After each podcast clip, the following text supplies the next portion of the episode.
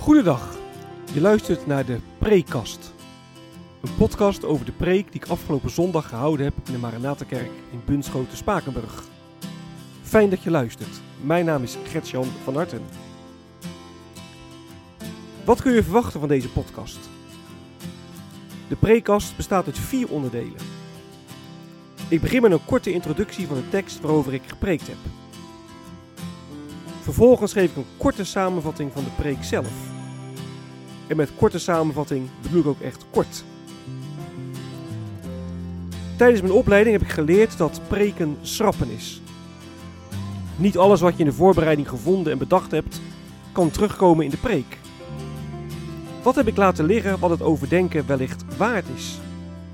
Daar wil ik het over hebben in het derde deel van de preekkast. En tenslotte sluit de preekkast af met een aantal verwerkingsvragen. Vragen die je kunnen helpen om de preek te overdenken en of toe te passen. Ik wens je veel luisterplezier.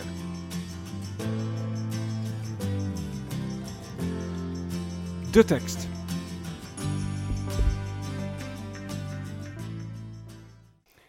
De preek ging over het slot van Haggai 2, over de laatste versen van het uh, Bijbelboek Haggai. Haggai 2, vers 20 tot en met vers 23. In dit uh, gedeelte krijgt Haggai uh, namens de heren een profetie door, die hij moet doorgeven aan Serubabel. Serubabel, de, de landvoogd van Juda. En dan zegt de heren via Haggai dat hij de hemel en de aarde zal doen laten beven. En dat alle koningstronen door de heren omvergestoten zullen worden. En dat hij de macht van de volken gaat breken. En op die dag, die dag waarop dus het oordeel uitgesproken wordt over alle volken, zal de Heere Zerubabel dragen als een zegelring. Want jou heb ik uitverkozen, staat er dan bij. De preek.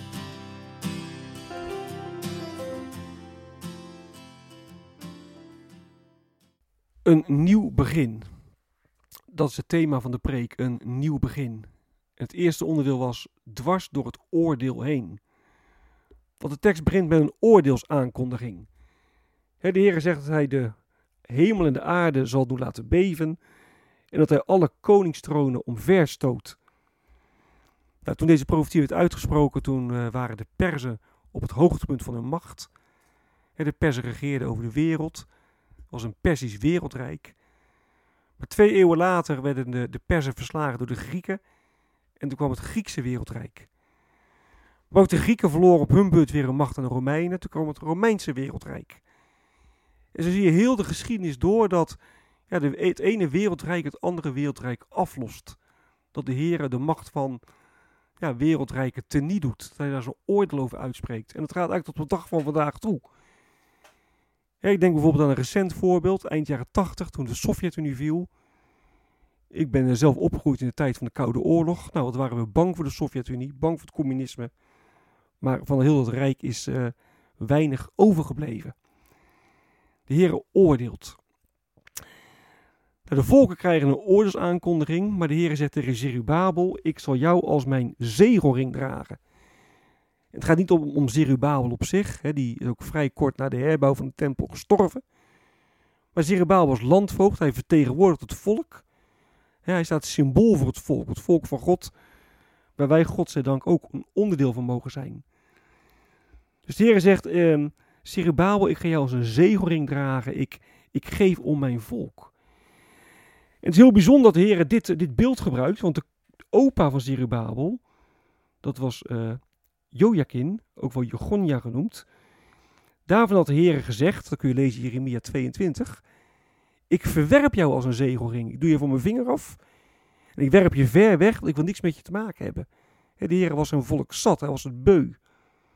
Maar hier zegt de Heer, ik ga uh, Zerubabel uh, als mijn zegelring dragen. Ik ga, wat ik begonnen ben met het huis van David, ik ga het weer oppakken. Ik pak de draad van mijn reddingsplan weer op. Geweldige belofte. de Heer toont hiermee zijn liefde en zijn genade. Als het aan het volk van Israël lag, dan liep het verlossingsplan van de Heer dood. Er kwam er niks van terecht. Maar de Heer is trouw aan zijn verlossingsplan. En in zijn liefde en genade pakt hij uh, Zerubabel weer op als een zegelring. En dat plan van, de Heer, dat plan van God dat loopt uit op de Heer Jezus. Als je het uh, geslachtsregister van Jezus neemt in Matthäus 1, dan zie je dat de naam van Zerubabel daar ook weer in terugkomt. En de Heer Jezus die heeft echt alles nieuw gemaakt. De ware Davidszoon heeft ervoor gezorgd dat de zonden verzoend worden, dat wij uh, kinderen van de Allerhoogste mogen zijn. Geweldig, de Heer maakt alles nieuw. Jezus Christus, Hij maakt alles nieuw. En um, nou, daarom kun je ook zeggen dat je ook uh, veilig bent bij de Heer Jezus en dat je bij Hem kunt schuilen. Daar ben ik de preek mee geëindigd. Want het eindoordeel komt. Het eindoordeel op de jongste dag, Heer Jezus terugkomt, dan zal God een definitief eindoordeel vellen over uh, alle zonde en over alle ongerechtigheid. Kijk, in Hebreeën 12 wordt Haggai 2 aangehaald. En zegt de Hebreeënbrief, uh, de Heer heeft gezegd dat de hemel en de aarde zullen beven. Nou, dat zal nog één keer gebeuren. Straks als het koninkrijk van God komt. En dan, ja, dan komt de nieuwe aarde. En ieder die schuilt bij de Heer Jezus. Ieder die ja, vertrouwt op het, het werk van uh, de Heer Jezus. Die mag zeker weten dat ook, ook hij of zij voor eeuwig mag wonen op de nieuwe aarde. Dat hij daar een, ja, een volmaakt leven mag hebben tot eer van God. En zo uh, zorgt Jezus Christus er iedere keer weer voor dat wij opnieuw kunnen beginnen. Een nieuw begin, dwars door het oordeel heen, toont de Heer zijn liefde en genade. Want Jezus Christus maakt alles nieuw. Schuil daarom bij Hem. Wat is blijven liggen?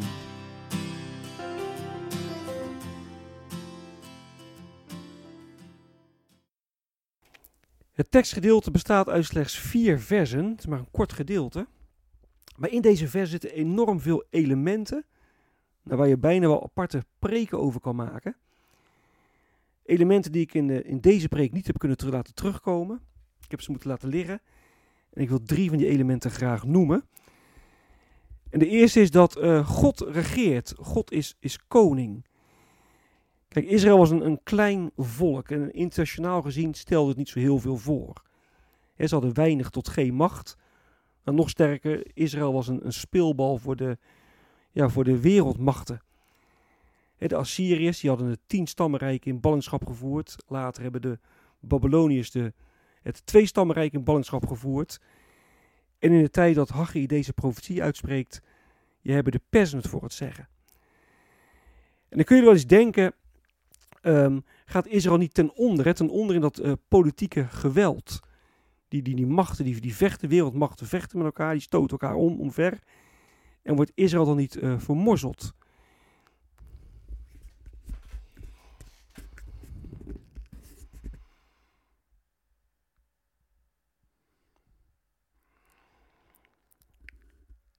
Tekstgedeelte van vandaag bestaat uit slechts vier versen. Het is een kort uh, tekstgedeelte. Maar in die vier versen staan echt enorm veel elementen. waar je bijna wel aparte preek over kunt maken. Elementen die ik ook niet heb mee kunnen nemen in deze preek, die ik heb moeten laten liggen. Maar waar ik wel graag uh, nu uh, apart even aandacht voor wil vragen. Ik wil drie punten noemen. En het eerste punt is het feit dat God regeert. Kijk, toen, toen Haggai deze profetie uitsprak, toen stelde uh, Israël politiek gezien niet zoveel voor. De Perzen waren heer en meester. En uh, Zerubabel was landvoogd, moest verantwoording afleggen aan de Perzen. Israël had, uh, had weinig in de melk te brokkelen. En het was eigenlijk al veel langere tijd zo. Hè? het tienstammenrijk was in, in ballingschap gevoerd door de Assyriërs. En later kwam het Babylonische wereldrijk. Die hadden het tweestammenrijk in ballingschap gevoerd. Israël ja, was, was, was, was klein, kwetsbaar en nou, het leek wel alsof het overgeleverd was aan de vreemde volken. Maar laat de Heer je zien dat dat maar schijn is, want de Heer regeert. Echt, hij is koning. In vers 21 staat, zeg dit aan Zerubabel, de gouverneur van, van Juda, ik zal de hemel en de aarde doen beven. Nou, in het Hebreeuws is dat ik heel sterk benadrukt. Staat er echt, ik zal de hemel en de aarde doen beven.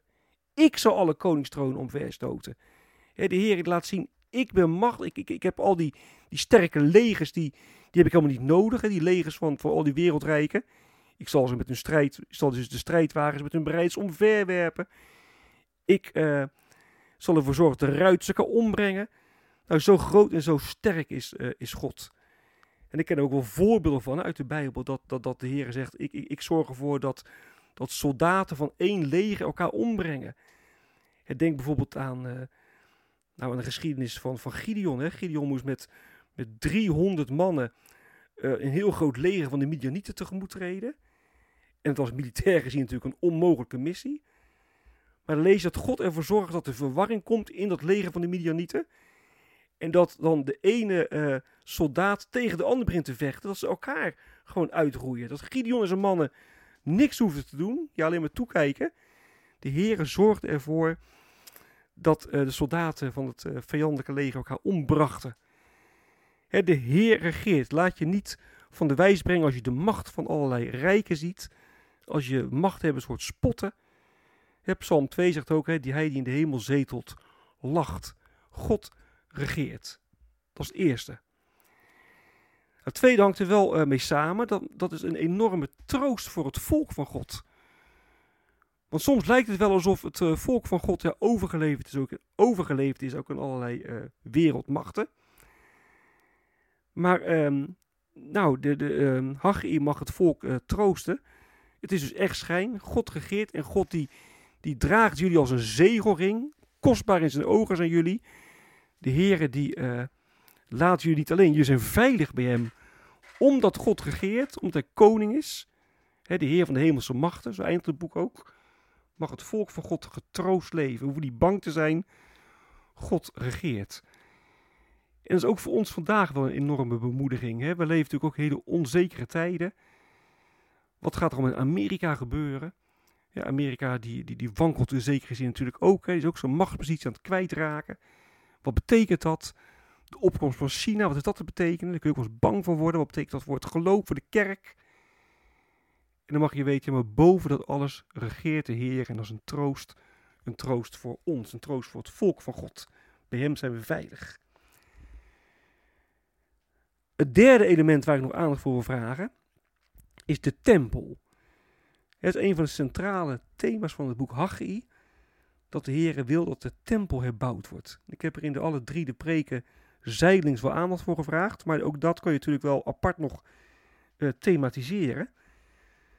De tempel, dat is de plek waar de Heer woonde, de plek waar uh, de aarde, waar de hemel de aarde raakte.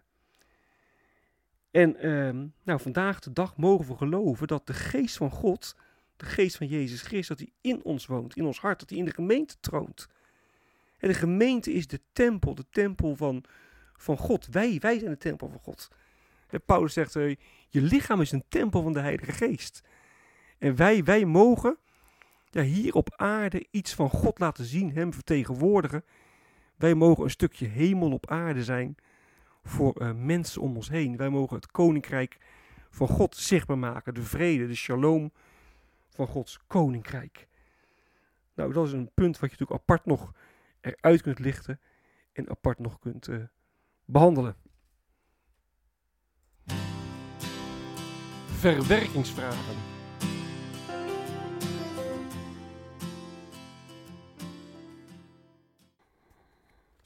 Ik kan me heel goed voorstellen dat wanneer je dit uh, Bijbelgedeelte leest, hè, bijvoorbeeld na het eten aan tafel, dat je dan denkt van ja, wat, wat moet ik hier eigenlijk mee? Hè, de hemel en de aarde zullen beven.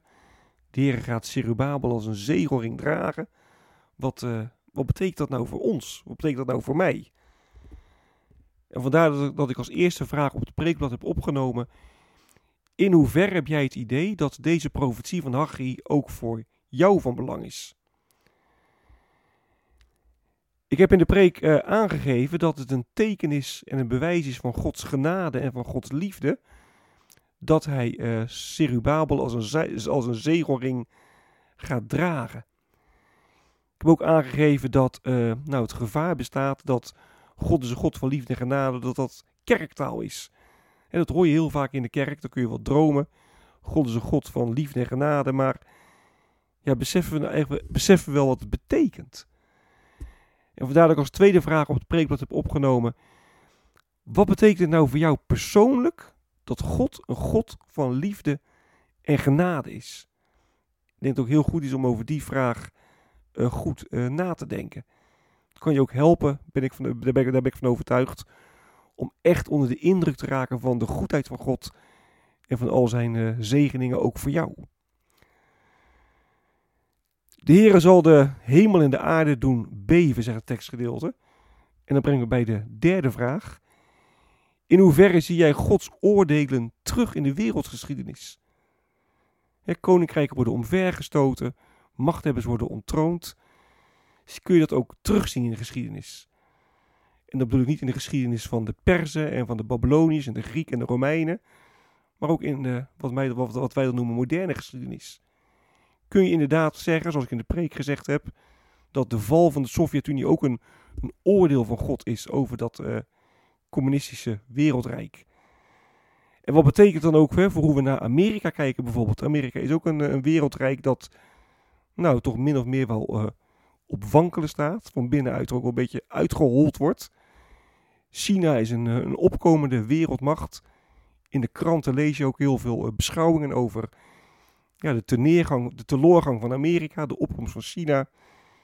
Moet je dat ook als in, uh, of moet of mag je dat ook als een oordeel van de heren zien? Of niet? En zo nee, ja, waarom dan niet? En zo ja, waarom wel en wat wil dat zeggen? Ik heb de preek uh, geëindigd met de oproep om te schuilen bij de Heer Jezus. Want als je schuilt bij de Heer Jezus, dan ben je uh, vrij, dan ben je veilig. Veilig uh, voor Gods oordeel. En de vraag is nu, en dat is de laatste vraag van het preekblad, wat betekent het nu eigenlijk dat je bij Jezus kunt schuilen? Ook dat kan zomaar weer kerktaal zijn, schuil bij de Heer Jezus. Maar wat betekent dat nou? En wat ook een hele belangrijke vraag is, hoe doe je dat dan? Stel je zegt, ik, ik wil ook echt schuilen bij de Heer. Wat moet ik dan doen? Hoe schuil ik bij de Heer? Nou, dat is ook een vraag waar, uh, waarvan het goed is om erover na te denken. Ook goed is om elkaar over door te spreken, om elkaar erin ook te helpen en uh, te bemoedigen.